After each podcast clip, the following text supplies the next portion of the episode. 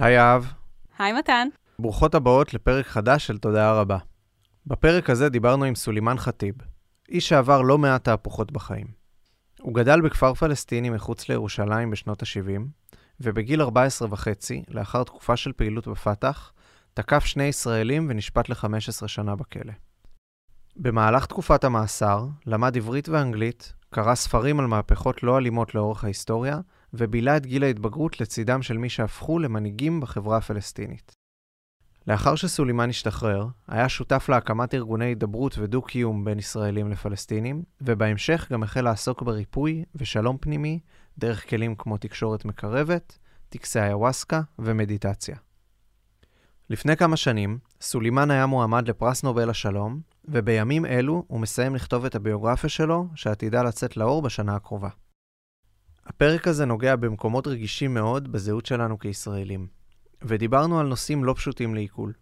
אנחנו מאמינים שההזדמנות להקשיב למה שיש לאחר להגיד, בלי פילטרים ובלי להתגונן, זה מעשה שיכול לפתוח את הלב ואת התודעה.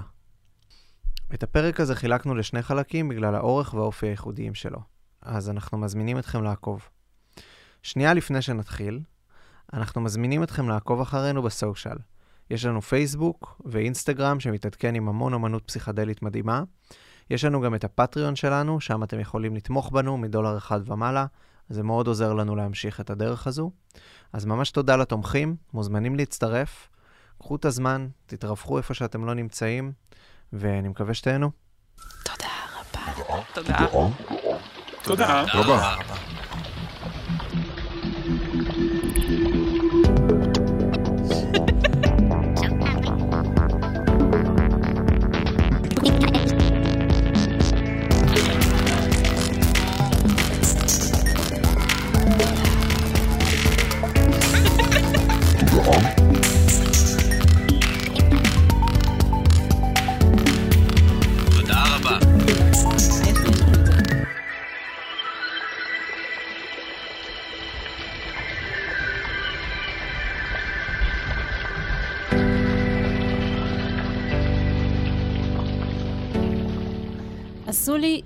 ספר לנו קצת מאיפה אתה, על הילדות שלך, מאיפה הגעת. שלום חברים, ותודה מתן ויהב לארח איתי בו, באמת. בכיף. ואני מודה על ההזדמנות הזאת גם להעביר את הסיפור שלי והקול שלי לקהל ישראלי. קוראים לי סולימאן אל-ח'טיב, אני מכפר חזמה, שזה עשר דקות ממרכז ירושלים, אז אני גדלתי באזור ירושלים, ועכשיו אני גר ברמאללה. זה מאיפה הגעתי היום. על ילדות שלי, אני כמו אה, ילדים ב, באזור שלי, אני ב-48 עכשיו, בגדול, כלומר, נולדת בשנת אה, 72. 72, אוקיי. כן, לא רואים עליי, אבל אה, אז ככה, אני, כאילו, המשפחה שלי הם אה, ילידי הארץ, מה שנקרא, מה אומרים בעברית? סברה. כאילו, באמת אה, משורשים בארץ, הם אה, היו בו לכמה דורות, אפילו רשומים ב... בארכייב של העות'מאניק ארה. Mm. זה לפני שלוש, ארבע, חמש מאות שנים. וגם הזיכרונות וההיסטוריה שאנחנו לוקחים אה, סבא, סבתא, אבא, זה. אז כל השורשים שלי הגיע מהמקום הזה, בין ירושלים לבין עמאן, שזה פעם לא היה חלוקה כמו שאנחנו מכירים היום. אז המשפחה שלי, השייכות שלהם הם באמת לארץ, ואני גדלתי על ערכים של לאהוב את הארץ גם. של לאהוב את האדמה, כאילו. לאהוב את האדמה והטבע, וגם uh, בתקופה שהייתי ילד, הדור של אמא שלי ואבא שלי חיו יותר קרובים לטבע מבחינת ארבע עונות, מבחינת איזה אוכל אוכלים, לא אוכלים כל דבר כל השנה. גם עד היום כן. הם אה, חיים ככה יחסית לאנשים סביבם. כאילו, אה. אימא שלך כן. עשתה אה, גבינה מעזים, כאילו זה נכון. מגדלים עזים עדיין. עדיין כן. יש להם עזים וחמור וקצת חקלאות, למרות כל השנים שקרו בשנים האחרונות. וגם מבחינת הלבוש, התטריז, מה שנקרא, לתפור, זה הפולקלור המקומי של האזור שלנו, שזה חוץ מהפולקלור הכללי הפלסטיני, חשוב לדעת שיש תרבויות, יעני אין תרבות אחת. Mm. יש, יש משותף, אבל יש הרבה תרבויות בתוך זה, מקומיות. כאילו, למשל, ה- איך אימא שלי מתלבשת, שזה עשוי מה- מהנדמד. כאילו היא הרגה את זה. ירקה את זה, נכון. וזה ממש ספציפי לאזור שלכם. נכון, היא יכולה להגיד אם, היא, אם יש אישה אחרת שהיא לובשת משהו אחר, היא יכולה לדעת מאיפה היא. Mm, מהסתם, גם מהמבטא, גם המדגמים שיש, המקומיים. אז אני גדלתי בתוך תרבות כזאת שהיא באמת עשירה, ויש הרבה סופרי לילה שסיפרו לנו כל יום אה, כדי להעביר את מה שנקרא החוכמה של האלדרס הגדולים. אז אני חושב שכאילו התרבות הזאת היא תרבות עמוקה במקום הזה, והיא משותפת להרבה קהילות בארץ, וגם עם הבדלים. וגם אני בילדות שלי, אה, בתור ילד בבית ספר, בבית ספר שלנו, אה, שהיה תחת שיטה ישראלית מוחלטת אז, אה, פוליטיקה הייתה דבר אסור, אז לא היה שום פוליטיקה שם. בזמן הזה היה אסור להגיד את המילה פלסטין מהסתם, אה, אז זו מילה הייתה איליגל. או להרים דגל, או לכתוב משהו על הקיר. כלומר, זה היה אה, בית ספר של, שנחשב בתחום השיפוט של מזרח ירושלים? זה עכשיו חוץ מהגדר של גדר, גדר הפרדה, וזה תח... אני בשליטה של uh, הרשות הפלסטינית, נדבר על זה אזור A, כן, דברים. השתנו מאז מאוד. ברור השתנו, אבל אז כל הבתי ספר היו תחת שליטה ישראלית. אה, Uh, המורים הם פלסטינים, אבל כאילו האחראי על זה הצד הישראלי אז. אפשר להגיד שאתה אתה מרגיש שאתה, אתה והמשפחה שלך אינדיג'יניס לארץ הזאת? כלומר, אתה, כן. אתה מזדהה, הזהות שלך היא של יליד? לגמרי, המשפחה שלי כן, הם מרגישים people. מהמם. ואפילו יותר מזה, אה, אולי זה חשוב לאנשים לשמוע מבחינת cultural wise, לא... כאילו תרבותית. וזה, תרבותית. אה, מהסתם דודה שלי, שהיא אולי בגיל 90, יש בכפר שלנו כמה משפחות שהגיעו ממזרח ירדן, או בירדן אז, ממזרח ל... אה, מהצד הירדני היום, לפני יותר ממאה שנה, אז כמה דורות. ועד עכשיו היא אומרת, אנחנו האנשים המקומיים, האסלי, הילדים, זה השבט שלנו. וכמה בתים האלו, כמה המשפחות האלה, הם לא מהכפר שלנו, הם רק הגיעו לפני 100-150 שנה. תמיד יש מי אז- שיגיד על החדש, כן. כאילו, יותר אז, ממנו. אז זה יכול גם לעזור לנו להבין איך רואים את הישראלים. וזה אומר כאילו יש הרבה, יש תרבות מלאה לכל הצדדים. כולל גם שירים, וזה, אני גדלתי על שירים בלילה, שירים שעבדו בחקלאות, במסיק זיתים, או קמח, או לא יודע, בכל מיני תקופות, יש שירים ספציפיים, גם למזג אוויר וזה, ושירים שקשורים באיזי לשמיים ולירח ושמש וזה. עד עכשיו אימא שלי שמה ימים קשורים בירח, עד עכשיו. מהמם. היא לא יודע מאיפה באמת זה הגיע, נראה לי מהארץ, מהתקופות קודמות, וזה לא בהכרח, כאילו, משפחה שלי משפחה מוסלמית, זה לא בהכרח כתוב בספרים של הדת האסלאמית. כאילו, זה לא אז- בהכרח מגיע מהאסלאם, זה מגיע מהתרבות המקומית. אנטיג'נס קלצ'ר. אז ו- בעצם אתה אמת. גדלת בשנות ה-70, כשהכפר שלכם היה עשר דקות מירושלים, כן. ואז מה קרה?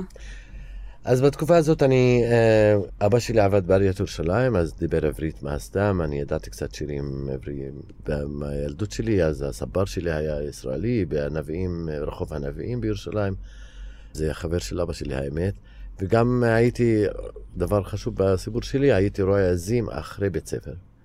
אז זה היה כמה עזים יש לנו בין הכפר לבין יישוב יהודי שנקרא נווה יעקב, שהוא עד עכשיו קיים, וזה באמת, לא קוראים לו התנחלות, להבדיל, כי זה קיים מ-1923.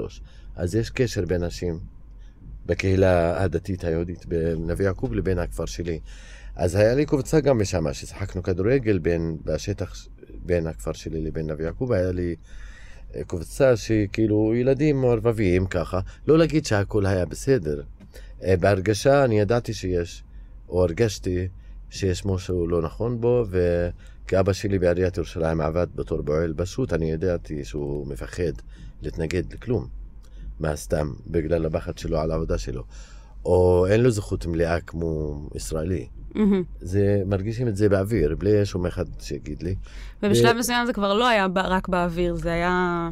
וגם בשטח רואים את הצבא בכל מקום, וגם רואים את הבנייה של התנחלות חדשה שנקראת פסגת זאב בתקופה הזאת, שהיא חתיכת הדרך והקלצ'ר והקונקשן בין הכפר שלי לבין ירושלים. והתחיל לבוא כאילו מתנחלים, רוסיה יותר, ולא דיברו עברית אפילו, וזה עוד יותר מוזר לאנשים בכפר שלי. אני בכלל, אה, אז בשנות אה, שהייתי 12, 13, 14, גם, גם שיחקתי בחליל, שיש לי עכשיו. ניגנת בחליל. ניגנתי אה, בחליל, שבטח. המעזים, וזה תרבות ככה. ו... אז התרבות המקומית שהיא קיימת מלא שנים, בגלל הסכסוך נעשתה תרבות פוליטית, כאילו השירים הפכו אותם לפוליטיזיישן. כלומר, השירי עם הפכו להיות, כאילו, מה שכולם אה, מאזינים לו, זה הפך להיות דברים שהמסר שלהם הוא אה, פלסטיני לאומי. פוליטי. כן, אבל זה ליגל. יעני ליגל למזק. כאילו, כן. מבחינת ישראל זה היה לא חוקי אסור. להשמיע את השירים האלה. ברור, אז uh, אני העסקתי את זה דרך uh, קסטות של בעם, uh, מירושלים, יעני סוד כזה, וגם uh, כמה uh, מגזין, כאילו, פוליטיקה, political magazine, שזה גם היה אסור, של הנוער של פתח, מה שנקרא, שזה שביבה, שזה כמו שומר הצעיר אצלכם, בדיוק, בדיוק, זה באמת מלמד אותו principles. כאילו, נכנסת עקרונות. להיות פעיל ב... בעצם תנועת הנוער של, אה, של הפתח. של פתח. כן. אח שלי, שגדול מעליי, שלמד בירושלים, אה, אז נעצר גם באותה תקופה, והוא היה לומד בבגרות שלו במזרח ירושלים, בבית ספר הכי עתיק שם, נקרא רשדיה. ואז הלכתי לבקר אותו בבית סוהר, ואז ככה אני התחלתי לראות אסירים מעבר לגדר, ולבקר את האסירים, וכשהשתחרר, אז נפגשתי עם האסירים שהשתחררו. אז היה לי מבחינה פוליטית לעמותת הגיל שלי, הדור שלי, היה לי קצת יותר... תודעה מידע. פוליטית יותר. תודעה פוליטית קצת יותר... וגם מה- מודלים, ברור. לכי... איזשהו מודלים של מה נכון, זה... וגם אה, כאילו, כן, אה, קצת ידע כאילו על מה קורה, כי ישבתי עם אסירים ומשוחררים, אז הם ידעו יותר מאנשים אה, נורמליים, מה שנקרא. אז בתקופה הזאת אני כאילו התחלתי את הפעילות שלי, הקמתי את הקבוצה שלי, שהיא ילדים בגיל 14, אז הייתי המתאם של הקבוצה, היית המדריך שלהם, מדריך שלהם במרכאות. כמו שקוראים שזה גם אה, נותן הרגשת כיף והרגשת גבר, אני 14. באחריות כזה. ואחריות, ואני יודע סודות, אה, הם לא יודעים, כי תאמתי עם קבוצה בגיל 18, והיה לי כופיה ככה, שיער ארוך, צ'ה ג'ווארה, ערפאת, רציתי ככה מהפכנים ומהפכה, אז נמשכתי לזה, נכנסת חזק ל... כן. לווייב של ה-resistance, של ההתנגדות. כן, האנרגיה הזאת אה, לקחתי, בטח זה הרבה כאילו, אה, כמו, יעני חלום כזה. כן, יש בזה גם משהו מן הסתם שקשור למרד נעורים באופן כללי, ש... כן, בטח, המרד הזה משך אותי, וכל העניין הזה של מאבק ושחרור וזה, משך אותי פשוט ככה, ואני לא הייתי דתי, כאילו, בהכרח, והרגשתי שאני הבן אדם הטוב, ואני עושה את הדבר הנכון, להיאבק למען המולדת והאדמה והעצים שלנו והקהילה שלנו וזה, למרות כל הביחד שמגיע עם זה, שזה לא היה כאילו הרוב שעושים את זה, בואו נדגיש את זה. כאילו רק, ה... נקרא לזה, היחידי סגולה בעצם העיזו ללכת ולעשות עם זה משהו. ברור, כי יש מחיר ומפחדים, ואנשים בגלל מה שנקרא survival need עבדו אצל הישראל, כמו אבא שלי. זה אצל- בהתנחלויות גם. גם כדי יש לחיות, הרבה. ברור. אז uh, הרגשתי מיוחד ושונה, וגם מכיר היסטוריה, או מרגיש היסטוריה לעמותת ילדים אחרים בגיל שלי, ושאני לא רוצה ללכת עם הרוב לפי, כאילו ללמוד, ואז אה, להתפרנס. וזה, זה לא הלכתי על זה. ברור, אז לא הבנתי מה שאני אומר עכשיו, ברור, אבל זה נראה לי הרגשה שלי הייתה. וכן, אז התחלתי בקבוצה שלי כאילו לעשות, להתאמן, מה זאת אומרת להתאמן? כאילו אימונים... אה, להתאמן במערה ההיסטורית שהיא קיימת על יד הכפר שלי, אני והילדים שלי, כאילו הקבוצה שלי. והיה לנו ניקנם, כל אחד עם ניקנם כזה. זה כמו אה, אחריי. מה זאת אומרת להתאמן? איזה סוג אימונים? אז אה, להכין בקבוקי תעבירה, למשל, קוקטייל מלטוב. כאילו כבר ממש, אה, מלדבר על פילוסופיה, כבר ממש להיות, לעשות התארגנות אה, כן, של רזיסטנס. נכון. התנגדות. נכון, אז כאילו, לא היה לנו נשק, ואז אה, לזרוק אבנים, לכתוב סיסמאות על הקיר, ל- להרים את הדגל, דגל פלסטין וכל זהו, אני רוצה להבהיר משהו שאני גם למדתי לא מזמן, שגם אז וגם היום, פלסטינים יכולים להיכנס לכלא, למעצר, לא על משהו אלים, אלא על uh, לתלות דגל פלסטין, או או. לרסס uh, ברור, Free Palestine על, ה, על הקיר, כאילו גם דברים כאלה, הם, כן. הם uh, נחשבים עילה למעצר ולהיכנס לכלא Mhm. ביטחוני, אז זה חשוב להבין. כן, אז אה, לקצר, ב- בסוף אני אה, ועוד אחד מהכפר שלי שהוא לא היה בקבוצה שלי או בחוליה שלי. אה, הקבוצה שלי לא היו מוכנים לעשות יותר מלזרוק אבנים, לכתוב משהו, אז הם לא היו מוכנים לקחת יותר מרס. אני, זה לא סיפק אותי ורציתי יותר, ללכת על זה עד הסוף. אה, ואז רציתי נשק ולא היה לי איך להשיג את זה, אז יש בחור בכפר שלי שהבית של המשפחה שלו נהרס על יד הצבא כי אמרו שאין להם אישורי בנייה. זה הפוליסי שקיימת עד עכשיו, לצערי הרב. אז הוא כעס והמשפחה שלו כעסו, הם לא היו אקטיביסטים בכלל. אז uh, בתקופה הזאת אני דיברתי איתו וכאילו לבוא איתי ולתקוף ישראלים ולקחת את הנשק שלהם, לנקום. Uh, אני הייתי יותר ממנוע פוליטי ואידיאולוגי ומה שרציתי לעשות הוא היה יותר לנקום, כי הוא לא היה פוליטי. כאילו, הוא היה לו את המניע הרגשי, ולך היה יותר את כן. המניע האינטלקטואלי, כאילו, נאמר. וגם הרגשי וערבוב של כמה דברים. אה, אז הייתי 14 בחצי בדקה הזאת. להגיד את האמת, כאילו, מבחינת הרגשות, אני לא הרגשתי שאני משתלט על איפה אני הולך.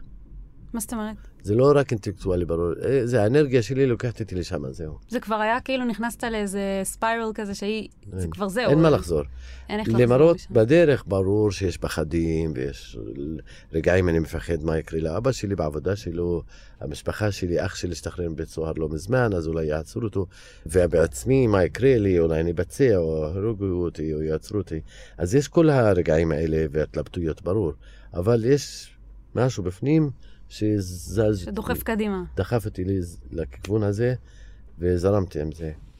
בלי לחשוב יותר מדי מה יקרה, או מה אני אעשה בדיוק, בדיוק, בדיוק.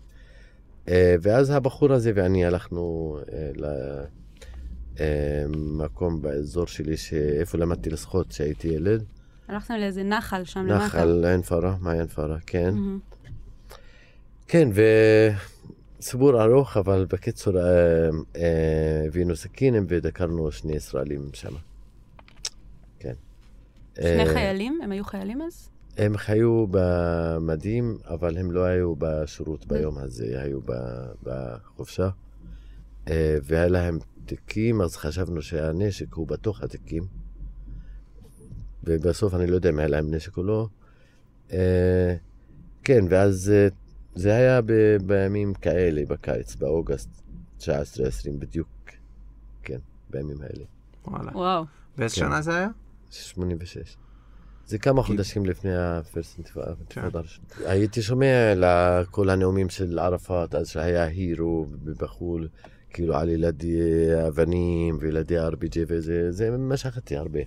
והפולקלור, המוזיקה הזאת היא סודית, הייתי שם את זה בחדר שלי, שומע את זה בצורה סודית, המשפחה שלי לא ידעו. אפילו ההורים שלך לא ידעו שאתה לא, לא, מעורב לא, לא בדברים ברור. לא ידעו, ואני שמתי את המוזיקה הזאת והייתי סוגר את העיניים, הולך עם המוזיקה הזאת, המוזיקה הזאת רגשית, על געגועים לארץ, ועל מאבק וזה, ואז מאבק מוזיאן, מה שנקרא בנרטיב שלנו, וזה דחף אותי הרבה בכיוון הזה. Anyway, אז חזרה לסיפור, שני הישראלים נפצעו קל. כן, אה, זה כל פעם אני מדבר על זה, זה קצת גם אה, לוקח אותי למקומות לא פשוטים, אבל אני... זהו, האמת שראיתי. אותך הרבה מדבר על זה. וזה תמיד, כן. אה, זה תמיד קשה עד היום. כן, זה כאילו out of... אה, אני כאילו לא הייתי בן אדם אלים, בוא נגיד את זה ככה, ובכללי, ולא הייתי כאילו קיצוני, לא יודע מה, זה לא בדיוק ככה התיאור. אז אחרי זה, הסיפור הזה היה בטלוויזיה, עשו עוצר בכפר שלי, עצרו את כולם, אה, עשו בדיקה לכולם בחיפושים וחיפשו בבית ספר. אני והבחור ברחנו למקום, והיה חם באוגוסט וזה, ברחנו לכמה שעות, והצבא עשה סיכות וחיבוסים ומטוסים ואמבלנסים ושמו את הצילום שלנו בטלוויזיה. את התמונות שלכם בטלוויזיה. לא תמונות, ה- שני הישראלים, שני הישראלים ציירו אותנו. אה, קלסטרונים. עשו ציורים, אז. שמו אותם בטלוויזיה. וגם זה כפר שלי היה כפר קטן, ואנחנו לא באנו ל... שעשו את העוצר והבדיקה במגרש של בית ספר, מגרש כדורגל, ודרשו מכל בן אדם מגיל 13 עד 30 לבוא למגרש, אז בדקו את כולם ושאלו אותם, אני לא יודע מה, אנחנו לא היינו בבדיקה. אז גם המשפחות שלנו התחילו לדאוג איפה אני, איפה זה. אז כאילו פשוט היה אפשר לדעת שזה אני. כאילו לא חזרתם לכפר, לא, ברחתם למדבר, חזרנו לכפר קצת, ואז עוד כפר, ואז עוד כפר. פשוט הייתם במין... מרדף אה, מרדף כזה. כזה כמה ימים, עד ש... ואז מצאו אתכם? בשלושה ימים.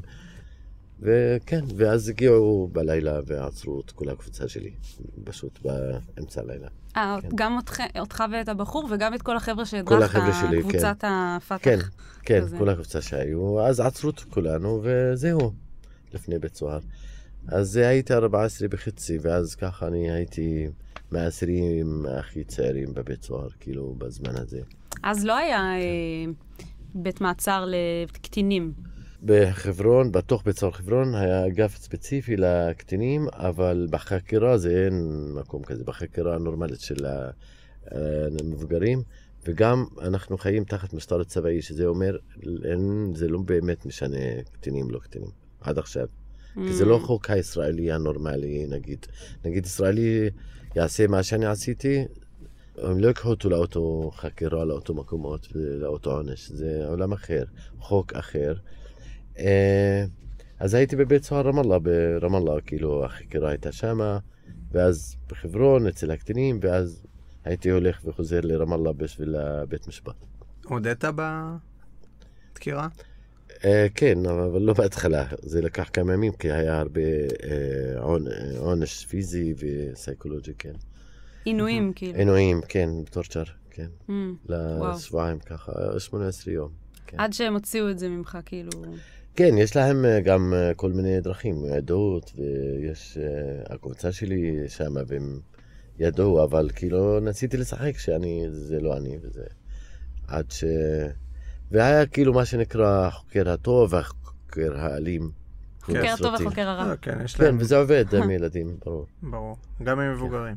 גם, כן. נכון, וזהו, אני יודעתי, ברור, ובסוף הייתי רוצה לצאת מהתקופה הזאת של החקירה, שזו תקופה קשה מאוד מאוד, כי אני גר לבד, שמים אותך לבד בתא קטן מאוד, ומגעיל ואוכל מגעיל, וגם הרבה לשבת על כיסא עם אה, אזיקים, עם זה מה שקוראים לזה. כיסוי עיניים. כיסוי עיניים, כן. עיניים וראש, מגעיל, וגם עם... אה, אה, וגם התקפות פיזית, כאילו בידיים. ב...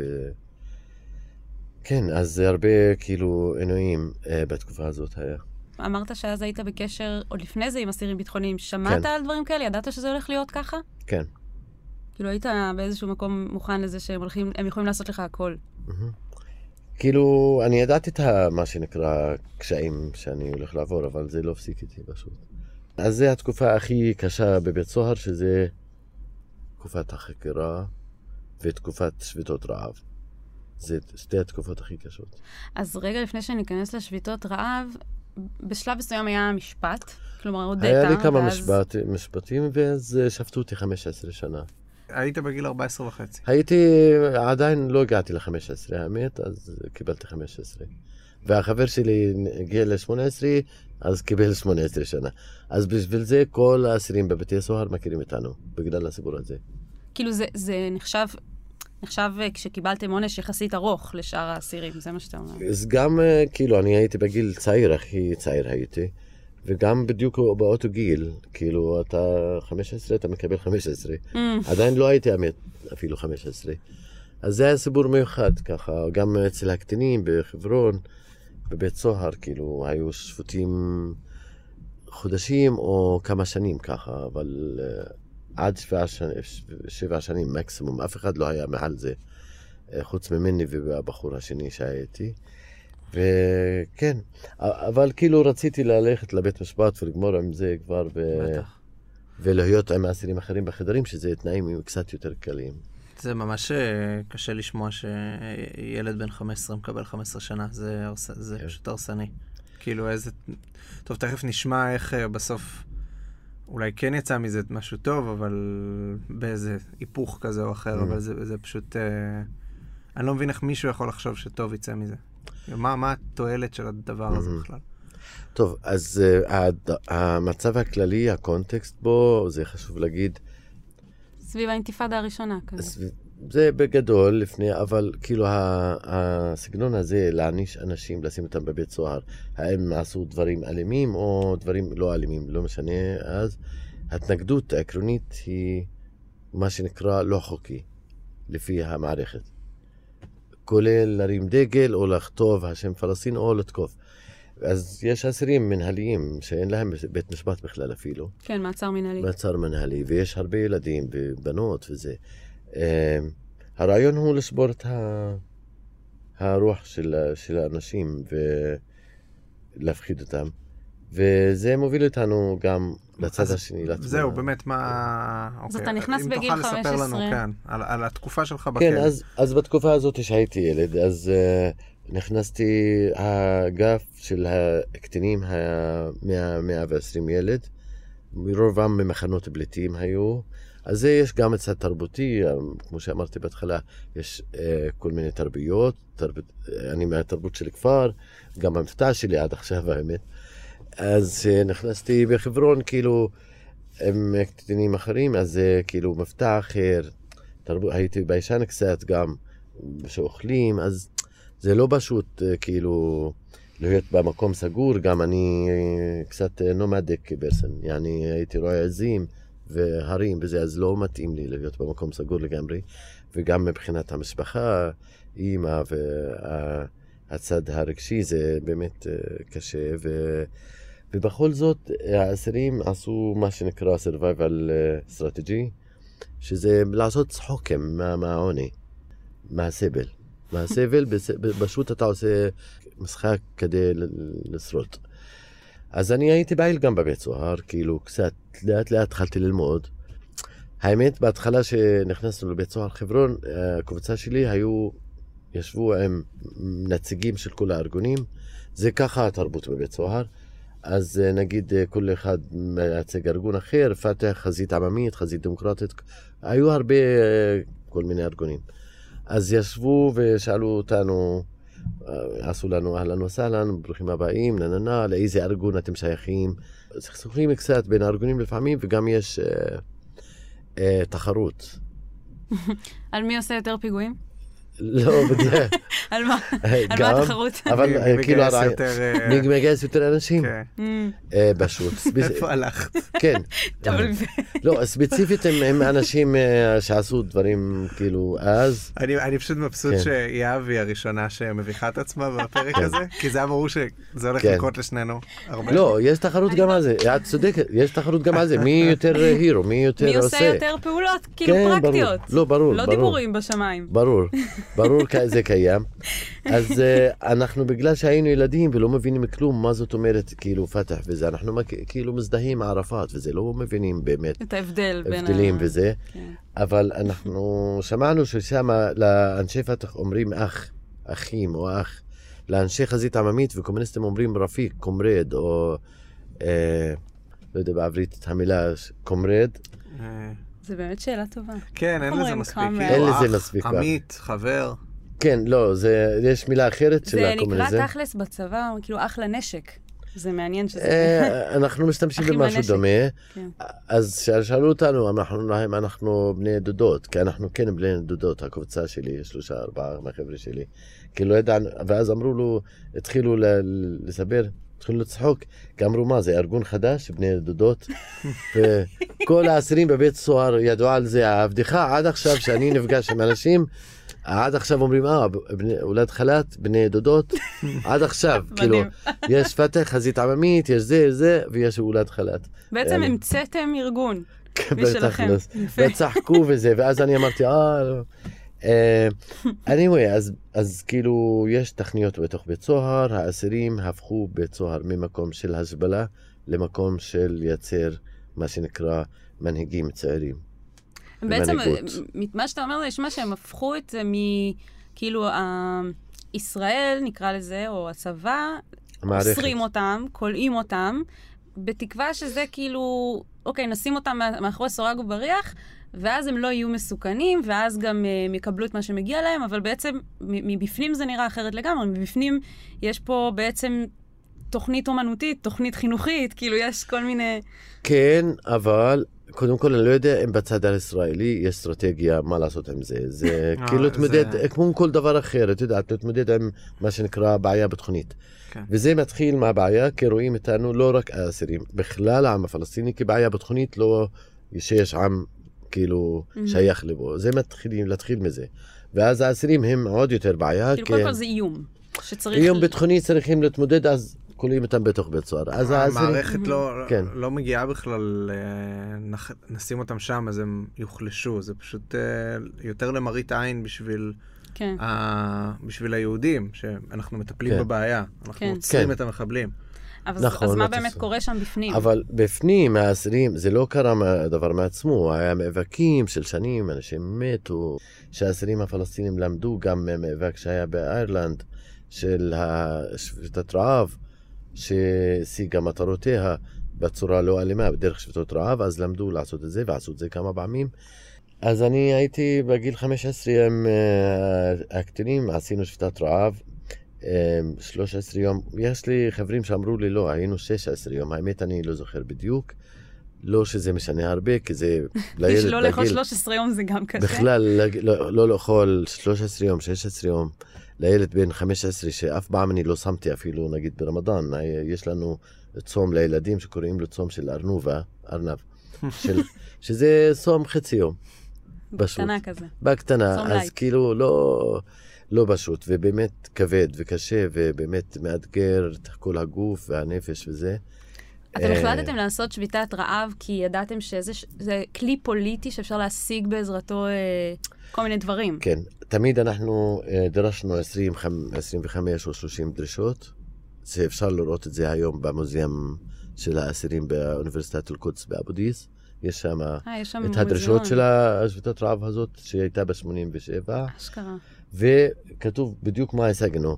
אז היה סדר כזה, כמו תיאטרון כזה, אנחנו עושים את התפקיד שלנו, המנהל הישראלי עושה את התפקיד שלו, לפי המערכת או החוק או הסיסטם. משחק כזה. בדיוק, אנחנו אז יודעים איפה לקדם, איפה לא, יש שכל, אה, מבינים את כללי המשחק, מה שנקרא, אז חלק מזה, האסירים לא משתמשים באלימות, וחלק מהאי אלימות, אה, מאבק הלא אלים, הדבר הראשון, אה, מאבקי שביתות רעב.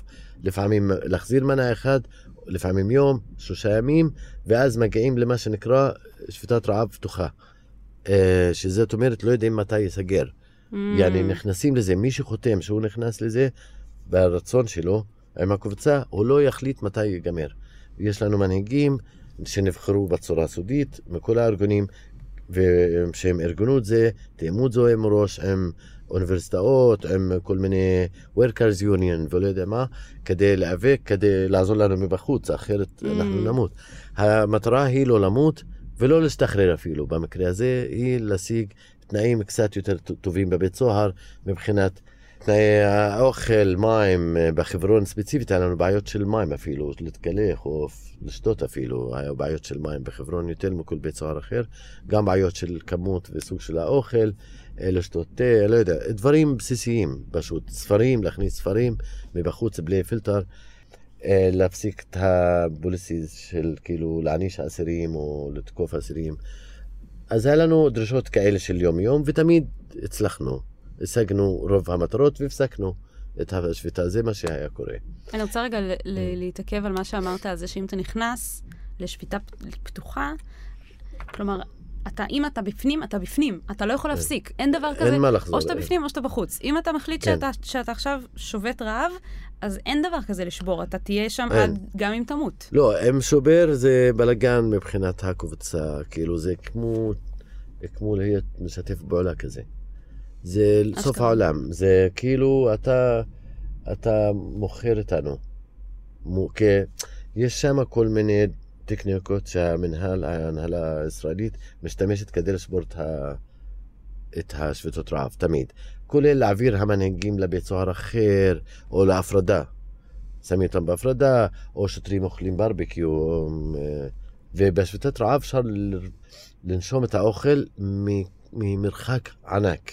כאילו, החושים מתחדדים. אין. מצ... וואו, זה וואו, באמת. ואז אנחנו, כאילו, אחד מהחוקים שאנחנו שמים בהכנות, אסור לדבר על האוכל בתוך השביתה, אבל אנחנו מהיום הראשון מתחילים לדבר על האוכל, כי זה קשה, ושותים הרבה מים ומלח. בשביל זה השביתת רעב נקראת מאיו מלח. זה הסימן המרכזי של שביתת רעב. זאת אה, אומרת, לפני שמתחילים לשבות? בתוך. Mm. לא, כל יום אתה חייב לשתות 12-15 כוסות מים וקצת מלח כדי לשמור על חי, כדי לא למות. כשנכנסים לשלב מסוכן בשביתת רעב, אם המנהל לא משיב חיובית ועושה כל מיני טקטיקות לברוח מזה, אז מכריזים על השביתת רעב עם מים, בלי מים. הם יודעים, אז אנחנו אה, הולכים למות. כאילו, מחליטים... אנחנו לא מגיעים לזה עד שרוצים ללחוץ, מכריזים על זה, כי זה אי אפשר להחזיק מעמד בלי מים אז. והיו אנשים שמתו מזה גם. כן, היו אנשים שמתו מזה, וגם uh, יש אנשים שמתו מה שנקרא זונדה, שהכילו אותם בכוח, אז יש היסטוריה של זה, ויש uh, מאבקים אפילו בתוך ועדת הרופאים הישראלים על זה, כאילו, עד עכשיו. על איך לטפל בזה. כן. לא, ו- אם אה, יש... זה, זה דיון שהוא עדיין קורה, שרופאים מסרבים להכיל אה, אסירים בכוח. בכוח. נכון. אה, כי מתו אסירים מזה. זו שאלה אם מישהו עכשיו, אה, כאילו, האם הם מחויבים לפי שבועת היפוקרטס אה, להשאיר אותו לעזור בחיים, להם או- להישאר בחיים במרכאות, כן. או שבעצם הם פוגעים ברצון שלו ובמאבק שלו, וזה דיון שאין לו Mm. תשובה נכון. חד משמעית, והוא מתנהל היום, וה- עד עכשיו, כן. המערכת הישראלית, אפשר לנחש לאיזה כיוון היא דוחפת, והרופאים לא כל כך משתפים. נכון, אז זה עד עכשיו. אה, שביתת רעב האחרונה הייתה 17 יום, זה השביתת רעב הכי גדולה, אה, גדולה שהייתי. עם אלפים מהבתי סוהר, מכל מיני בתי סוהר. תיאמנו את זה מראש. יש לנו ארגון בתוך בית סוהר, קבוצות, ועדות, אני אספר על זה. והוועדות האלה, שמייצגים כל הארגונים, תיאמו את זה עם כל מיני בתי סוהר, שנכריז על שביתת רעב ביום ספציפי, כולנו באותו דקה.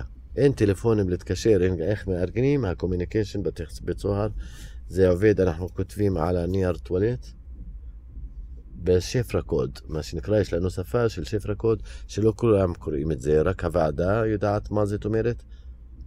כאילו... כאילו, המציאו שפה מיוחדת בשביל, של קוד בשביל זה. כן. בשביל אה, שביתות רעב, בשביל לתאם דברים רגישים. אז כותבים את זה, מגלגלים את הניירות כמו סיגריה, ומגלגלים פלסטיק מעל זה, וסוגרים אותה, וקפסולה עושים, קפסול. אז כשאסירים עוברים מבית סוהר לבית סוהר אחר, העברת האסירים היא בידיים של הנהלת בית סוהר, לא בבחירה שלנו. אז כשמעבירים את האסירים, אנחנו נותנים להם כמה קפסולה לשים אותם בפה, להעביר לבית סוהר אחר, ושם נותנים את זה לוועדות כדי לתאם דברים. או לפעמים דרך הביקור של המשפחות שלנו שבאים לבקר, יש רשת ככה, אז אי אפשר ללחוץ על הידיים, אי אפשר. אבל אפשר לשים בפה, אני הייתי נותן לאמא שלי מהפה לפה, ככה, או לשים לה... השוטרים לפעמים עצמו עיניים, כי הם יודעים שזה לא משהו מסוכן, אנחנו מתאמים משהו פנימי, או לפעמים היו בעיות בגלל זה, כאילו, היה הקפדה כדי לא להעביר מידע וזה. אז uh, הם בודקים את האסירים שמעבירים אותם בבוסטה, מה שנקרא בוסטה, אוטובוס מגעיל כזה, להעביר אסירים בין בית סוהר לבית סוהר, עם אזיקים בידיים. זנזנה. כן, הם, אסירים, הם אזיקים בידיים, אז כשמעבירים את הבן אדם, אה, הוא יכול אה, גם לקבל מכות, זה גם היה סוג של עונש, אבל הוא לוקח את הקפסולות, חמישה, שמונה בו, בפה, הם יודעים, הישראלים יודעים שאנחנו עושים את זה, לא סוד, אבל זה לא חוקי, מה שנקרא. אז הם בודקים ומחפשים ושואלים אותך לפתוח את הפה, אתה לא יכול לתת להם, אתה צריך לבלוע את זה. וכשאתה בבית סוהר השני, אתה הולך לשירותים, מוריד את זה, מנקה כן. ונותן את זה וואו. לוועדה שם. זה מגעיל, לא הכי טוב בעולם. כן. אבל אה, לא חכם. הכי טוב בעולם, אהבתי את ה understatement. אבל זה כאילו ה- איך התקשורת עבדה בתוך ה... זה ממש בין- רשת של... אה, רשת מלאה, של ואנחנו... תקשורת. ברור. אה, אז צד התקשורת. לא להגיד שבית סוהר היה אוניברסיטה, זה חשוב לי להגיד. היו מפגשים, חמישה מפגשים ביום של לימוד, אחד, מלמד את השני.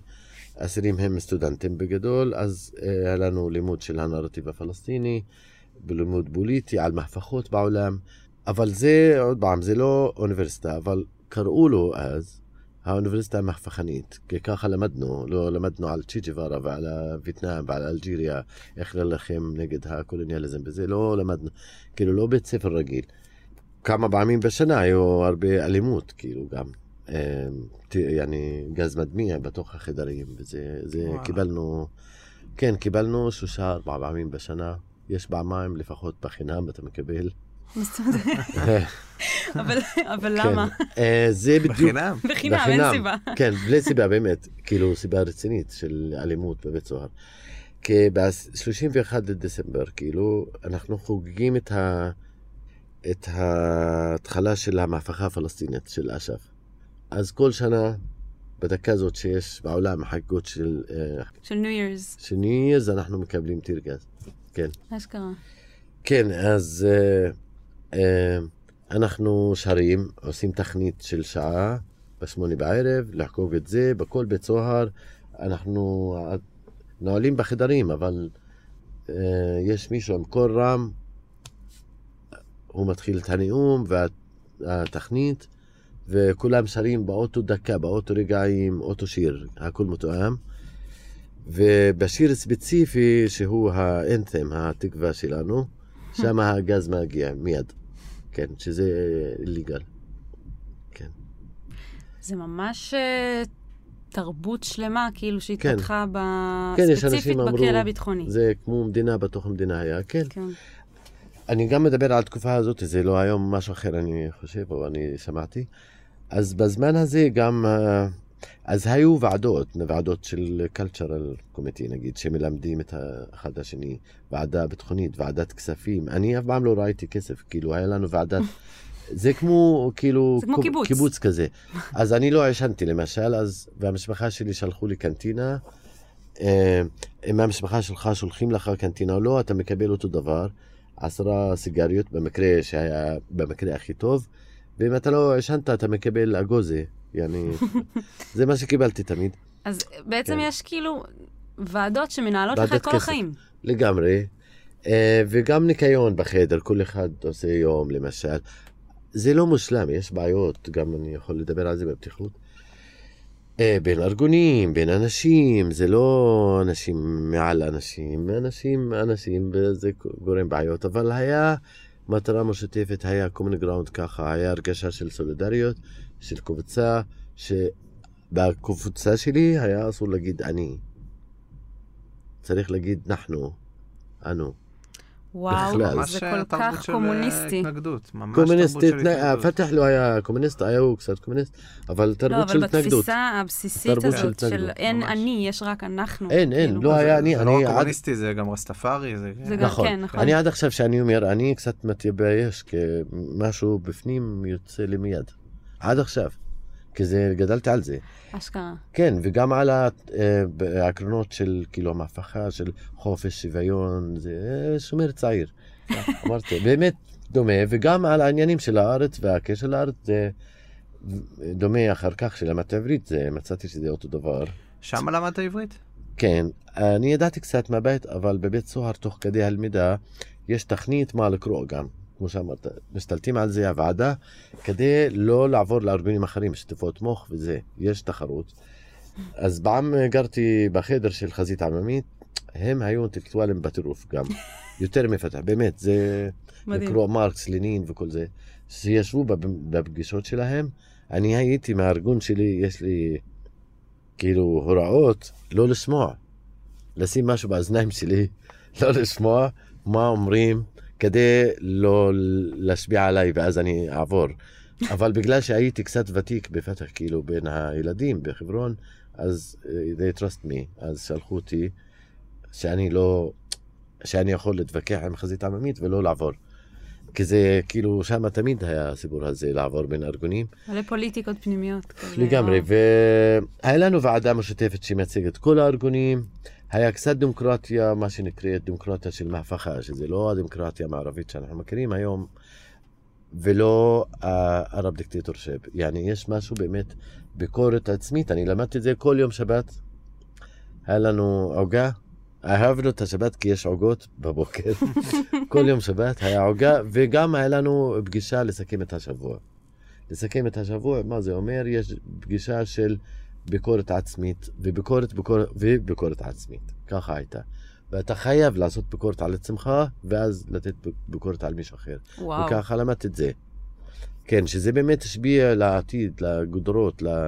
שזה יותר אה, חופש ממה שיש לנו עכשיו, כאילו, ברשות הפלסטינית. וואו. כן, אז אתה אומר שהייתה כן. תחושת סולידריות, אתה יכול... אה, כן. אני מדמיינת שאתם יודעים שבחוץ אתם נחשבים גיבורים. בבית. בקהילות שאתם מגיעים מהם, אתם יודעים שאתם כאילו איזה, כמו סוג של סיירת כזאת. כן, כי האנשים האלה הם כאילו קירבו את החיים שלהם למען המולדת, וזה ברור. אז אה, יש את הראייה הזאת שאלה גיבורים, והמשפחות שלנו גאים, כי זה... אבל עם הרבה סבל. סבל, כאילו... אימא שלי אמורה לא לראות שהיא, אני בוכה, ו... אבל היא בוכה. זה... כן. כן. לאבא וגם- שלך, איך זה היה? אבא שלי היה לו קשה יותר, כי הוא קצת לא היה פוליטי ולא רצה את זה. וגם אה, כשהלכנו לבקר, שהגיעו לבקר אותנו, כאילו בביקור, אה, אני הייתי צריך לראות להם גיבור, לא ילד וזה שבוכה. מה אמרתם בו, חנון? לא, צריך כאילו גיבור. והבעיה היא חלק, אצל חלק מהאנשים. בשבילהם, מהפכני וגיבור הוא לא בוכה. הוא לא מחייך יותר מדי, לא, אין לו את הצרכים של הנורמל. של הבן אדם הרגיל. כן, הוא כאילו מה- על-אנושי כזה. כן, כן, וזה מאתגר, כי בתכלס אנחנו אנשים עם כל מיני שטויות קטנות ודברים כן. קטנים. ולא כולם ככה, יש אנשים שכאילו מימשו מה שנאמר שהמהפכה היא גם ציור והיא שיר והיא אהבה והיא... זה, יש כאלה, יש כאלה, יש כאלה, כן. גם הם אה, אטמו את החדר שלך, של- שבבית של ההורים שלך, כשהיית כל הזמן כן, הזה. החדר איפה שעצרו אותי בקומה השנייה בבית של המשפחה שלי, עטמו את החדר בסמנט, בטון, ולעשרה שנים. כאילו אחרי- הצבא, אתה מבין. הצבא, כן, כדי ש- עד שאני השתחררתי, יעני לעשר שנים וחמישה חודשים. כעונש לקולקטיבי, למשפחה. כן. כי בדרך כלל אם הייתי בגיל אחר, היו הורסים את הבית, אז אה, כאילו זה... אה, זה היה במקום. להרוס את הבית. כאילו, אה. Mm, ו... אז כאילו לגבי אנשים בבית סוהר, האסירים, בוא נגיד ככה, קודם כל לא מדובר על אסירים פליליים, זה עולם אחר. לא טוב ורע, אני סתם מתאר.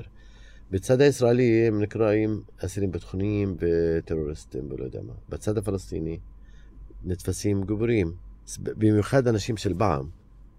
כי הם הראשונים שעשו את זה. הראשונים וקהילה קטנה, לא הרבה אנשים. ובכל זאת, בתי בית סוהר היו הרבה אידיאולוגיות, יעני היה קומוניסט, היו אנשים... אז אני הייתי בעם דתי לשנה אחד, שנה וחצי, קראתי ספרים דתיים, ואז אני עברתי לקרוא הגל וסרטר ומערבי וזה. אז אה, יש כאלה בתי ספר בתוך בית סוהר, זה בין נשמע האסירים. קצת- קצת כמו הוגוורטס כזה. כן. כל פעם נרשמת לחוג אחר, ואז... כן, זה השפיע, כי אני הייתי אז בגיל 16-17 היה בני אדם משתנה, משמאלה לימינה, ככה זה, כן, כן. טבעית. אין מקום להביא את זה, לה- להביע את זה. אז זה המקום, וגם אה, אני קראתי הרבה, וגם אה, הייתי, בעין, יש לי עין ביקורתית, וגם לחשוב out of the box, מה שנקרא, וזה, וזה קשור בסיפור שלי אחר כך, כאילו. וגם אה, האמת, היה צריך, האסירים לא היו דתיים בכללי, הרוב המכריע. אני חושבת שזה מפתיע את רוב הקהל הישראלי לשמוע דבר כזה, כי כן. אני חושבת שב... גם הקהל הפלסטיני הצעיר לא יודע את זה. אני חושבת כי שתופסים את זה. בתור כאילו, אה, הם מקבלים שטיפות מוח במסגד, ואז בגלל אה. זה הם נהיים טרוריסטים. כאילו, זו לא. התפיסה הרווחת בישראל. לא היה בכלל אה, דתיים אז. אשכרה. כאילו, אני מדבר על תקופה קצת לפני חמאס, בהתחלה, לא היו דתיים בבית סוהר. אני מדבר על אנשים שהם יותר הזדהו עם אש"ף, שזה כל מיני ארגונים חילוניים או קומוניסטים. כן, זה משהו. הקשר גם הקומוניזם, הוא מאוד מבטל את הדת. ברור. אז אה, חזית עמית היה ארגון מספר שני, שזה היו הרבה אנשים. והוא מנוהל על ידי, זכרונו לברכה, ז'ורג' חבש, שהוא מלד במקור, נולד בלד, והוא היה בליט בסיריה. והוא נוצרי בכלל, לא מוסלמי בכלל, יעני. אז, אז הרעיון היה בבית סוהר שהמאבק הוא פוליטי ונשיונליזם והקולוניאליזם, וזה לא היה על העניינים של דת, זה אני גדלתי ככה. ו, ובכל זאת, התרבות המקומית סיפקה לנו את הספיריטואל אספקט, יעני. יעני, איך להחזיק מעמד. זה לא פשוט. לא כולם, מה שאני מתאר, לא כל הזמן ולא כולם, וגם אני. אז היו חולשות ורגעים קשים ובעיות וקשיים, זה דרך ארוכה. אז יש את הספיריטואל בארט, שזה מה שנקרא צמוד לצמד בעברית, בתרבות שלנו. לפני שלמדתי קצת על גנדי ומנדלה בית סוהר ו... ועוד מנהיגים אחרים בעולם, וג'יסס, אה, ואנשים שהחזיקו מעמד בתקופות קש... קשות. אני באתי מהתרבות שהיא כאילו של צמוד, כן. שזה אומר היצמדות ל... לאדמה, לאדמה? להתחזקות מול המשהו החזק נגדנו, האויב, מול או המזג. אוויר לא פשוט, או אין כסף, אז זה קשור בעצי זית, באדמה, משורשים. וזה עזר לי הרבה להחזיק מעמד ברגעים שאני חלש, הייתי חלש.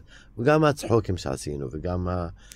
אה, הלמידה, באמת, בתוך הקהילה, הקבוצה הזאת, הקהילה הזאת, הסולידריות, זה עזר להחזיק מעמד ולהמשיך עם כל הקשיים, נגיד בתקופת הנוער, יעני בת בגרות, וזה לא פשוט להיות כלוי, יעני בלי נשים, בלי סקסואל לייף, בלי חיים, יעני חיים קצת נורמליים. נורמליים. כן. לנשום, בלי אימא, בלי חיבוקים. יעני. לטייל, בטח. אני רוצה רגע לחזור לשביתות רעב. כאילו, לא לאכול שבועיים, איך זה משפיע עליך, תודעתית? כאילו, לא רק פיזית, שאתה כל הזמן. רעב ו... ומדבר על אוכל, אבל איך זה משפיע עליך? כאילו, על מה אתה חושב כל היום? מה אתה עושה? אז יש את הצד האוטומטי לחשוב על אוכל והפיזית, והכואב הפיזי שיש כמתחלשים, וקשה לזוז, והראש קשה, כזה, כאילו, סבל באמת. והזמן איטי. אין, השעה נעשית כאילו שנה. זה האמת. וואי, ולא. ישנים טוב. אז צריך לצחוק קצת, וצריך לשתות הרבה מים, והמים נעשה מגעיל אפילו, אפילו המים באמת. אז הצד הנפשי נראה לי מראה כמה בן אדם יש לו יכולות שלא יודע עליהם, של להחזיק מעמד בתקופות קשות, ושזה יעבור. זהו, הכל יעבור, אנחנו אומרים בערבית, ואפילו בעברית גם. וגם יש קצת חלון בחדר שמביא קצת קצת מהשמש. אז יש לנו בתרבות שלנו, מהשירים של מחמוד דרוויש, מהפולקלור, מאימא שלי, למדתי את זה מהאדמה, מהעצים, מהדברים בטבע, שאני לא מצליח להגיד את זה במילים, זה בג'ין שלי, ב-DNA. אה, כן, השמש זורחת, אני מחייך, אני חי, אז אה, אני בסדר. אז יהיה הזה. בסדר. יהיה בסדר, בדיוק, בדיוק, יהיה בסדר, ובאמת, זה חשוב להיות ברוח ככה טובה. זה אה. שינה, זה שינה אותך לעשות את הצום הזה? לגמרי, כי באמת, קודם כל, אני הגעתי למסקנה שהמאבק הלא אלים, מאבק לא אלים הוא יותר קשה מהמאבק האלים, מהניסיון אישי. והוא בחירה קשה ולא בא ממקום של חולשה. מה שאנשים תופסים, אה, אלה כאילו אנשים שנשטף להם המוח, ובוחרים במאבק לא אלים כי זה יותר קל. זה לא נכון בכלל. התכוונת, בוחרים במאבק אלים, כי יותר קל. כי יותר קל במאבק אלים. Mm. ויותר עצבני, אבל זה יותר סבלני, יותר אוהב, יותר עמוק, ויותר משנה את הבן אדם. וזה חשוב לי לעשות את הקשר, תוך כדי שאנחנו מנסים להשתחרר, או לחיות בלי כיבוש על הראש שלנו. אני חושב השחרור האישי, מה...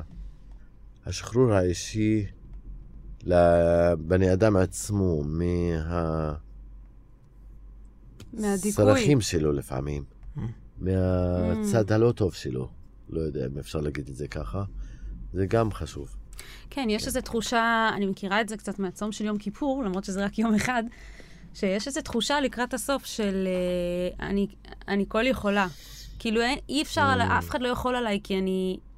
כבר יש תחושה כזאת שאני התגברתי על הצרכים הכי בסיסיים שלי, ולכן אני... נכון. יש הרגשת, הרגשת שחרור כאילו, ועם השירים שאני גדלת עליהם, גם שמה, כאילו, היה לנו שיר שאנחנו אומרים, הם יכולים לקלוט את הגוף שלנו, אבל לא הרוח שלנו. Mm. זה, זה עיקרון, חבל על הזמן. זה נשמע כמו קשה. העיקרון הכי בסיסי בכלא הביטחוני, כן. כאילו... ואז כשמגיעים לזה, שאנחנו, הנה, בשביתות רעב, הם לא יכולים לשבור אותנו כקבוצה, כאנשים בשביתה, אפילו מביאים אוכל על יד הדלת ומריחים את זה, וזה קשה לנו, אנחנו עדיין מחזיקים מעמד, ואנחנו משנים את המשחק, והנה יש הפגנות בחוץ, והם מנסים לחתוך מאיתנו, כל החדשות מגיעות מבחוץ, שיש הפגנות ויש זה, ובסוף מצליחים, כאילו יש הרגשה של ניצחון של מה שנקרא איראדה בערבית, determination, מול, נחישות. מול ה... הנשק והכוח האדירה של הצבא. בעברית אומרים ניצחון הרוח על החומר. בדיוק. זה בדיוק הסיפור, וזה נותן, יעני קונפידנס, זה נותן הרגשות, וואו, זה כן יכול לעבוד, במיוחד שיש את כל הייאוש מסביב. אז, ואפשר לשנות, אז יש הרבה הרבה השפעה לשביתות רעב, וכשמסיימים, כאילו, מרגישים באמת כמו גיבורים, וואו, אני עשיתי 17 יום, או 10 ימים בשביתות רעב. זה לא, אני עכשיו לא מצליח לסום יום אחד ברמדאן בכלל. כי אני אומר לאמא שלי, אני שמתי מספיק, לא... אבל באמת זה מאתגר את כאילו הצורך, או וההרגשה, אני רוצה לאכול כל הזמן, וזה באמת אה, חשוב להפסיק ולחשוב. כן, אז זה מה, אחת מהחוויות הכי יעני, עמוקות בתוך בית סוהר. בקיצור, זה, בית סוהר זה לא מקום פרדייס וכיף וזה, זה לא מלון, זה בית סוהר, עם כל הסבל והבעיות והנתק וזה. יש אנשים שלקחו את זה כהזדמנות במרכאות, ליהנות מזה, לקרוא ספרים, להכיר אנשים, ל- לעשות uh, ספורט. כל יום אני עשיתי כן, בחדר אתה שלי. כבר שם ל-15 שנה, אז למה לא כן, כבר ל... וגם להאמין, אני לא הולך להיות 15 שנה, אף פעם לא חשבתי על זה. לא, אנחנו כולה, כל יום יש אופטימיה, הדברים השתנו, האמונה הזאת, שה... כן. אז ממשיכים. לא כולם ככה, אז יש אנשים שנכנסו לבעיות אה, נפשיות, או... כן. אבל אתה, אתה די, אה, נשמע שהלך לך לא רע, כאילו, בניסיון, כאילו, להפוך כל יום. לנסות להפוך את זה למשמעותי, את ה... בגדול, כן, הזאת. היה לי תכנית ללמוד כאילו ספרים ולמדתי עברית, כמו שאמרנו, הייתה כותרת ללמוד את השפה של האויב שלך, זה האמת. שפת הכובש. כן, אה, כן, כדי להתמודד אותם. Mm, אה, להכיר את האויב. כן, כן. ולמדתי אנגלית וקראתי הנרטיב הישראלי גם ככה, תוך כדי את השפה העברית. כי, אני אגיד משהו אולי מעניין למה שהם מדברים היום. אני למדתי את הנרטיב, אני למדתי על ישראלים ועל הציונות והיהדות מסופר פרים פלסטינים. שזה משהו אחר לגמרי.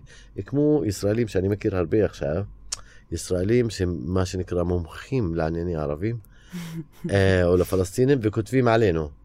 זה לפעמים לא קשור במציאות בכלל. הוא, הבן אדם רואה את הדברים מהעיניים שלו, כן. או מהנרטיב שלו, שעושה לו פילטר. כן. אז כשאני למדתי עברית, אז זה היה חלק מהשוני שלי, חלק מזה. אבל היה משהו, כן, ש... כאילו, היה שלב מסוים כשהיית בכלא ש... שנחשפת לנרטיב הישראלי מה... מהעיניים של יותר של ישראלים, שגרם לך להיות יותר אמפתי אליהם? כן, אני, מבחינתי הטרנספורמציה היא אה, תהליך ארוך, זה לא היה לי מקרה אחד, ואז אני התעפתי בישראלים בבוקר, זה לא מה שקרה לי. באמת, זה האמת שלי. אני, כאילו, הייתי בתהליכים כל הזמן, ארוכים, וסבל, כי גם לחשוב out of the box זה לא רק מחשבה בראש, זה לב, זה הרגשות, וזה גם הקבוצה ש... אני חלק מקבוצה, אז זה לא פשוט לצאת מה... ומחשבות שונות מאנשים אחרים, זה לא פשוט. אז התחברתי בהתחלה לרעיונות שלמדתי קצת, כאילו ג'יסס אמר, אוהב את האויב שלך, תתחבר לאויב שלך ודברים כאלה, ואז זה אתגר אותי בהתחלה. אה, אבל זה איכשהו, יעני, נגע בי, כאילו, משך אותי, דבר כזה. ואז קראתי עלי בן אבי טאלב, שהוא המספר שני באסלאם, אחרי מוחמד, הוא הבן דוד שלו, לא זוכר. הוא השאיר הרבה ספרים של חוכמות וזה, והוא כאילו ידוע בן אדם שדיבר על אי אלימות בהיסטוריה האסלאמית, הרגו אותו בסוף האמת, סכסוכים פנימיים, אבל הוא ידוע ואנחנו לומדים עליו הרבה בבית ספר גם, בתי ספר. הוא יותר מזוהה עם השיעים עכשיו, כאילו, או מזהים אותו, אה, שמדבר הרבה למשל על התנהגות של moral values, לא להתנגד למשהו ואז להתנהג באוטו על דבר שאתה מתנגד אליו ואתה צריך לתת דוגמה, וגם מדבר על להעביר את ה... איך לעשות אלף צעדים כדי לה... להפוך את האויב שלך לחבר, ולא להתנהג דבר אחד, לה... להפוך את החבר שלך לאויב. דברים כאלה. Mm. אז כמה דברים האלה, ודברים גם מהתרבות שלנו, של ה...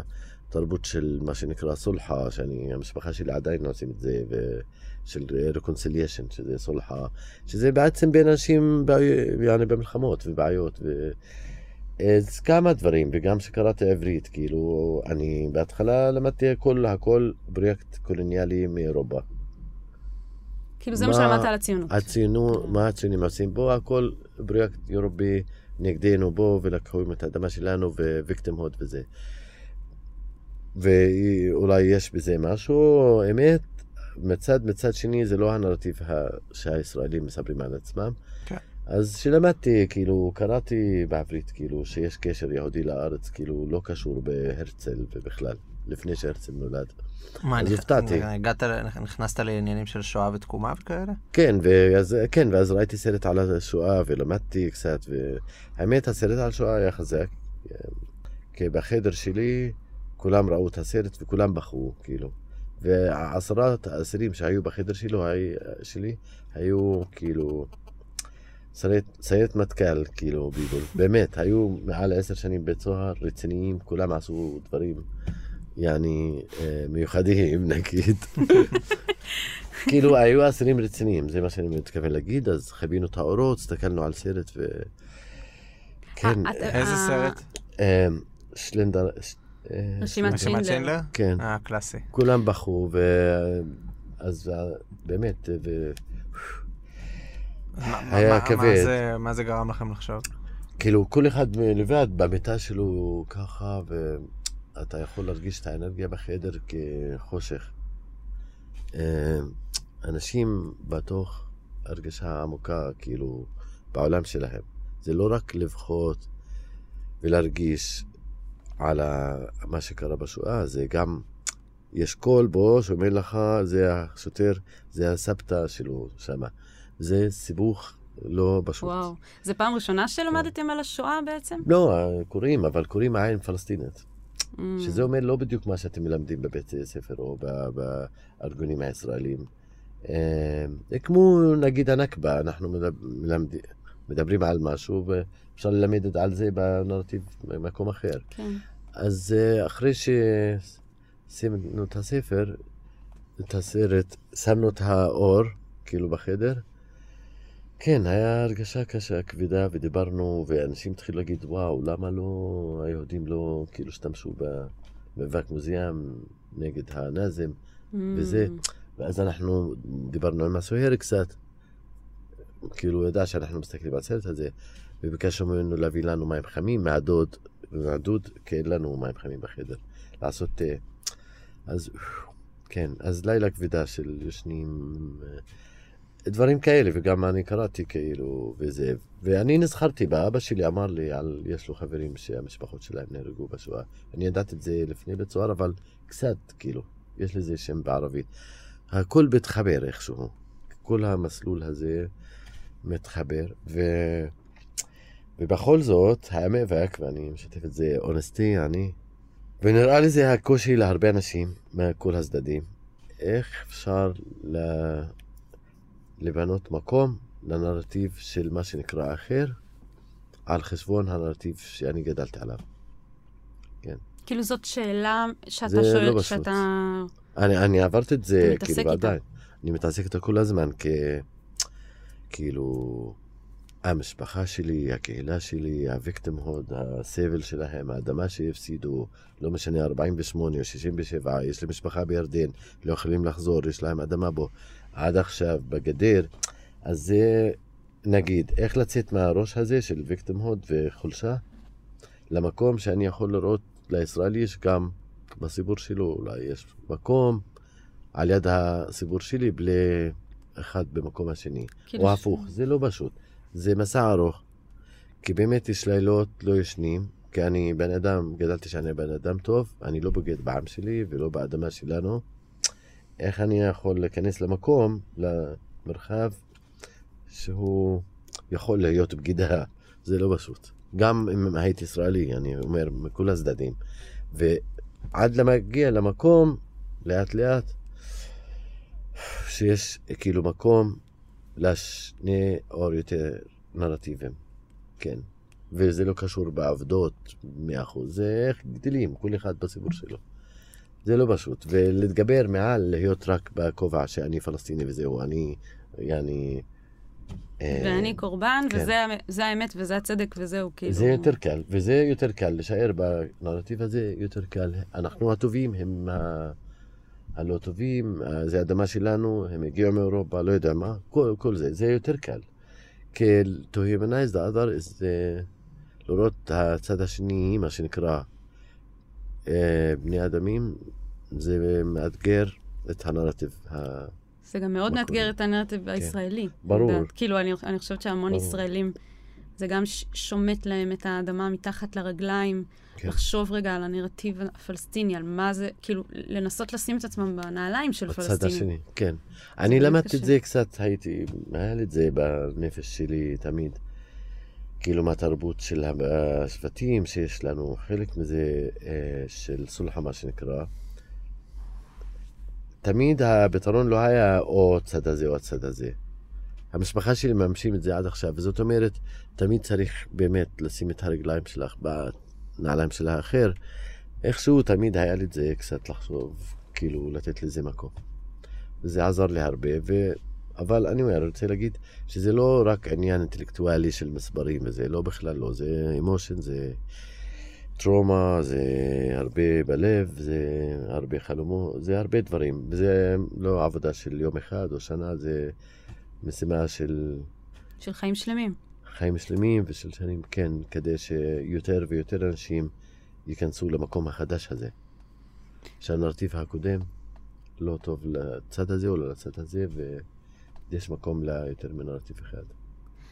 תיארת תמונה של מה זה להיות, קצת, מה, זה להיות בכלא ביטחוני, בשביל מן הסתם מאזינים שאין להם מושג איך זה נראה. מה זה היה בשבילך, בשביל סולי, להיות אה. עשר שנים, כל הגיל ההתבגרות, בן אדם צעיר, אה, בעצם לגדול בכלא. כאילו, מה... לקראת הסוף, איך הרגשת כשכבר כבר התבגרת שם? כבר היה הבית שלך. אז קודם כל חשוב אולי להדגיש, כי לאנשים לא מכירים, יש שלושה קוויק, יעני דברים מהירים. אחד, אני, מה שאני מתאר זה היה בתקופה מסוימת, אז זה לא תמיד היה ככה, ועכשיו לא ככה, סתם. אנחנו לאנשים. מדברים על שנות ה-90 בעצם. כן, ש- סוף ה-80, שנות ה-90. דבר שני, יש אה, כל מיני שלבים שעברתי אה, אישית וגם קבוצה, אבל אני אישית, זה לא מייצג את הרוב להיות כנה. דבר שלישי, גם בתור בעיל הגעתי למקום של מה שנקרא, ואנחנו משתמשים בזה עד עכשיו, לעשות קשר עם אחרי זה, אין פתרון צבאי לסכסוך שלנו. להגיע לזה לוקח הרבה זמן וניסיון.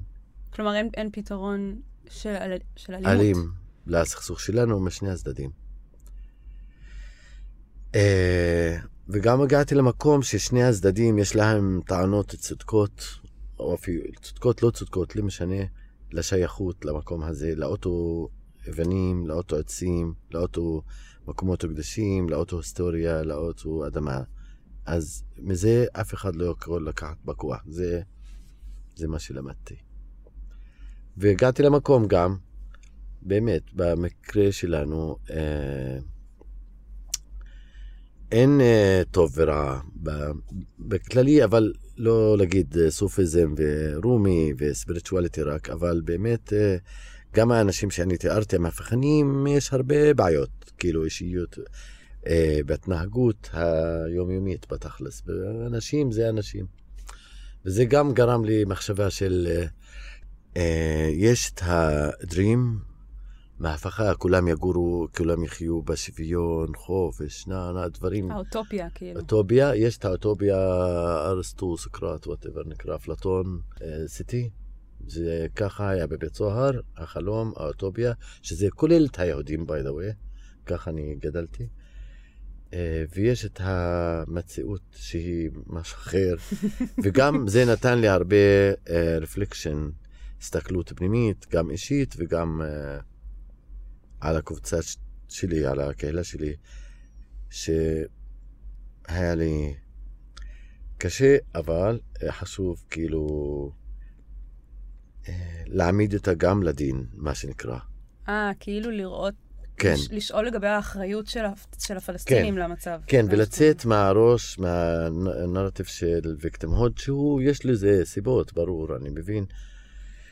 אבל אני הרגשתי מספיק פלסטיני, מספיק חזק לעשות את זה, אז אני לא צריך להוכיח לאף אחד שאני פלסטיני, כאילו עשיתי את שלי ויותר, וזה חשוב בסיפור שלי. וזה מקשר אותנו אחר כך בסיפור של האקטיביזם והפעילות ועבודת שלום ו coexistence ולוחמים לשלום וארגונים אחרים, בגלל שאני לא מרגיש שאני חייב לאף אחד להגיד לו, להוכיח שאני פלסטיני עם כל הביקורת שקיימת, אה, למה שאני עושה עכשיו, וגם... תוך כדי הזמן שאנחנו מדברים על זה, ב context, יש שינויים שהיו בעולם בזמן הזה שהשפיעו על, בתוך, על העם הפלסטיני והישראלי ובתוך הזה. בית סוהר כולל השינוי שהיה ב Soviet Union בבלוק ה Cold War, ו Berlin Wall נגמר, והסיפור של אה, דרום אפריקה אחר כך, ומנדלה יצא מבית סוהר, ו... בהסכמי אוסלו. הסכמי אוס, מדריד ואוסלו, אז כל זה היה לו השפעה, כולל שחתמו הסכמי אוסלו, וזה אני יכול לסיים את בית סוהר, שחתמו הסכם אוסלו, הייתי בבית סוהר בשכם, אה, בית סוהר איו"ש קראו לו, בשכם, לכמה שנים, כי אני יצאתי מהקטינים לבית סוהר רגיל, ושם כאילו היה שני דברים קצת חשוב אולי להזכיר. אחד, הייתי בחדר של כדור הפרס, שהוא ראש מועדון האסירים הפלסטינים עכשיו, היה שר של האסירים, הוא חבר טוב שלי, הוא בחור טוב, ואנשים שהובילו את האסירים. הייתי בחדר שלו, ובשביתות רעב בשנות 92, של כמה בתי סוהר, אה, של 17 יום, כדי שיפסיקו את האסירים את שביתת רעב, והמיני אינתיפאדה שהייתה בחוץ, הם היו צריכים שהוא יאפשרו לכדורה, הנציג שלנו, קראו לו, המנהל קרא לו, ובמשרד שלו נתן לו להתקשר לערפאת לתונס. הדיבור עם ערפאת היה לגיטימי, היה אסור. אסור, Oh. ואפילו ישראלי שהתקשר אליו הלך לבית סוהר. וזה היה סוד ומתחת שולחן, אבל כשערפאת אמר לו, תפסיקו את השביתה עכשיו, ערפאת בשביל האסירים היה, יעני, מעל הבן אדם נורמלי, כאילו, הגיבור, הוואו. מה שהוא אומר. עושים. ברור. כאילו. ברור, ומאהבה אז, כאילו, לא מהביקורת ולא כלום, כי הוא היה סמל וזה. וכשהוא חזר לחדר ואמר לנו, שתדעו לכם עם מי דיברתי. אף אחד לא האמין לו, התחלנו לזרוק שמות, שמות של מנהיגים ידועים בגד... בשטחים הכבושים, שהיו ידועים, פייסל חוסייני, זה זה. לא, לא, לא, ואמרנו לו בסוף, כאילו, מה, מי ידבר איתם, יעני ערפאת? מה, כאילו, out of the blue, והוא אמר כן, עם ערפאת. וואו. אף אחד לא האמין. זה היה כאילו סמלי ברי אוסלו, יעני 92, 93 חתמו אוסלו, אז הרגשנו שמשהו היסטורי משתנה. וכל העניין הזה של פלסטין מים עד הריבר נגמר, הרעיון הזה של כל, uh, הכל או כלום, וזה, אנחנו הם. אז זה בכללי, בקטן, בקטן, אני אישית הייתי עובר את זה גם בכל מיני דברים אישיים ורגשיים וקורא קצת, ושניתי את ה... התחלתי להכין לעצמי שאנחנו הולכים להשתחרר, כי יש הסכם הולך לקרוא, אז כאילו ההרגשה הייתה שישחררו אותנו, כי אנחנו ויקטימס של כל הסכסוך, אנחנו לא... ואז שחתמו את ההסכם, שחררו 5,000 אסירים, אבל לא שחררו את האנשים, מה שנקרא, יש להם דם על הידיים. אני הייתי חלק מהקבוצה הזאת, היו 350 בני אדם. כאלה, אלפים אחרים שחררו אותם ליריחו ולגזה אז, שהיה גזה יריחו פרסט. ואז החדר שלי, כולם יצאו, נשארתי לבד, אז היה כאילו מכה עמוקה, כאילו לא פשוט. וואו. אז זה היה גם כעס פנימי כלפי ההנהגה הפלסטינית. איך אתם עושים הסכם שלום ועדיין אנחנו בבית סוהר? אתם זה מפקירים אותנו. סוף העולם, כן. אז זה נקודת שינוי היסטורית בחיים בבית סוהר. כל מה שדיברתי, מהפכה, ראש מהפכני, נגמר בו והתחלנו שלב חדש, זהו. וזה הסוף של בית סוהר בשבילי. אז לקחו אותנו אחרי שמסרו שכם ורמאללה לרשות הפלסטינית. ראינו בטלוויזיה הישראלי, כאילו שהילדים שזרקו אבנים לפני על הצבא הישראלית ברמאללה, שהצבא עזב, זרקו אברכים. פרחים. כן, ראינו את זה אה. בטלוויזיה, וזה מאורגן היה מכמה פלסטינים. וזה כאילו היה שינויים שקורים, אבל אנחנו כלואים בתוך בית סוהר, זה היה לא פשוט לנו. כאילו, אתם רואים את כל השינוי שקורה בחוץ. כן, אפילו ערפאת כן. אומר, תפסיקו את השביתת רעב, זהו. זורקים פרחים על החיילים ברמאללה, ואתם והוא עדיין חוזר כאילו... לעזה ורמאללה, וזהו. ערפאת בעצמו, כאילו, כן, מה שנקרא לפי הנרטיב הישראלי, הטרוריסטי הכי גדול בעולם. כן. ואנחנו ילדים, מה זה? למה נשארים בבית סוהר? והכעס היה אה, בנה פנימי יותר, גם כי הרגשנו, בגדו בנו וכל זה, והתחלנו לשמוע מהמשפחות שלנו שביקרו אותנו, כאילו דברים, לא מה שחשבנו, שאנשי המהפכה הפלסטינית בחו"ל, שהם כאילו מעל האנשים, הם אה, כאילו צ'י ג'ווארה וזה, והתחיל סכסוך ילידי הארץ, סברה ועולים חדשים אצלכם, זה בדיוק אותו דבר, בין אנשי תוניס שחזרו, כאילו, והאנשים המקומיים, ספציפית האסירים. כי האסירים הרגישו הם הקהילה ששחררה את המקומות האלה, הם קרבו את החיים שלהם למען המולדת, והאלה הגיעו מבחוץ, קטפו את ה... את הפירות. את הפירוט. זה, ואז זה גם, ודברים כאלה, גרמו שלב חדש, אנחנו במקום אחר, ואז הפסקנו לעשות את המפגשים של חמישה פעמים ביום, והשתנה, כל החיים שלנו בתוך בצוהר השתנתה, ואז שמסרו שכם לרשות, לקחו אותנו, לא, כאילו, לבית סוהר ישראלי, בתוך ישראל פרובר, אה, בנתניה, נתניה, בנתניה בית סוהר הזה, אה, שכחתי את השם. בית ליד. כן, אה, לתקופה קטנה, ואז לא נשאר מקומות בבתי סוהר בתוך הארץ, כי ישראל השאירה בתי סוהר בגדה בידיים של הרשות הפלסטינית, שמסרו עוזר רואה לרשות הפלסטינית, ואז אה, העבירו אותנו לקבוצה מהקבוצה, מהחבר'ה שלי, העבירו אותנו לקציעות, כאלה קציעות בנגב, במדבר. ושם הייתה פעם ראשונה שלי בחיים בבית סוהר, אחרי יותר מתשעה שנים, להיות בבית סוהר שייך, בית מעצר נקרא, שייך לצבא, לא שייך לבג... לשב"ס, שזה שירות בתי הסוהר, שזה עולם אחר, זה משטרה, זה צבא, זה עולם אחר, התנהגות אחרת, נשק ודברים, וגם גרים באוהל, אוהלים בנגב, שזה הכי קר ביום וחום בלילה, וזה עולם אחר. אז אנחנו נכנסנו לעולם אחר וחדש, וזה הרגשנו, זה הסוף של תקופת בית סוהר מתקרבת. ואז משם העבירו אותנו לבאר שבע, אה, ואני נשארתי שם כמה חודשים. תוך כדי גם אה, נהרג רבין ויגאל עמיר, הסיפור שלו, ואז אני בבאר שבע, יגאל עמיר הגיע לבית סוהר בבאר שבע, אני הייתי שם. אבל ישבתם בבית כלא פלילי ישראלי? לא, לא, זה אגף, אגף של בית חולים, ויש אה. בגלל שהוא אה, התנקש בראש ממשלה, אז הוא נחשב הוא על אסיר ביטחוני. ידינו, על ידינו, אבל לא ראינו אותו, אבל Mm. אנחנו יודעים, כאילו, הוא ידעתם על יד, שהוא שם. הוא על יד בקיר בינינו. ואנחנו יודעים שהוא קיבל הרבה זכות בבית סוהר, יותר מהזכות שלנו, ונגיד, אה, כל הזכות שמגיעים לאסיר בישראל, אנחנו לא ישראלים, אז לא מקבלים אותו זכות, אפילו שהוא הרג ראש הממשלה.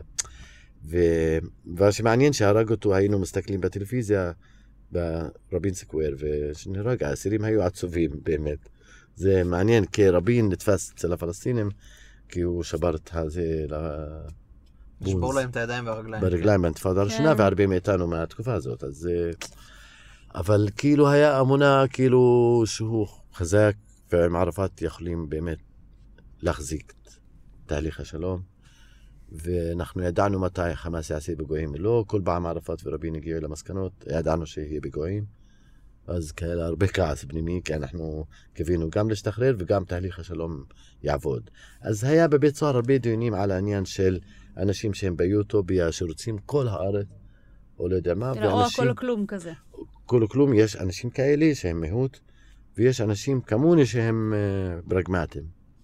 שזה קרה עם בזה. הזמן, זה נשמע שזה פשוט כן. תהליך שהגעת למצב שאתה אומר, טוב, אנחנו לא נשחרר את פלסטין עכשיו, אנחנו צריכים כן. להבין ברגמה, מה קורה. ברגמטיזם, אז גם כן. למדנו את זה בבית סוהר, אז הרבה מאיתנו אמרו, כן, וזהו, שלב, נגמר, דרנה. ובכל זאת אני תמכתי בזה, ועדיין בבית סוהר. לא השתחררתי, עד שהשתחררתי בוועדת השחרורים, אחרי עשר שנים וחמישה חודשים, כאילו נשאר לי עוד שליש מהתקופה. והעורכת דין שלי ליאת סמל, שעשו עליה סרט לפני שנה. כן, ליאת סמל. כן, היא, וואו. היא הייתה עורכת דין שלי, ואז שחררו אותי, וזהו. ואז אני אמרתי, יאללה, חיים חדשים. אז שחררתי מבית סוהר אה, באר שבע, כן. ובאיזה שנה השתחררת? ב-12 לג'ניוארי 97, כן. אחרי עשר שנים. עשר שנים וחמישה חודשים בדיוק. אבל כן. מי סופר? כן. וואו. כן, אבל הייתי צעיר, 25 פחות אפילו קצת, אז אני כאילו, כן, אמרתי וואלה, יעני... יש עוד חיים לפניך. time for life, יעני זהו, כן, כן. אז uh, אנחנו נעצור כאן, ויהיה לנו עוד פרק. אנחנו בעצם ממשיכים להקליט עכשיו עם סולי, אבל אתם תשמעו את זה בפרק הבא, על החיים שלו אחרי הבית כלא. ומה קרה מאז? Mm. קרו הרבה דברים. אז נתראה בפרק הבא. תודה רבה. תודה. תודה רבה.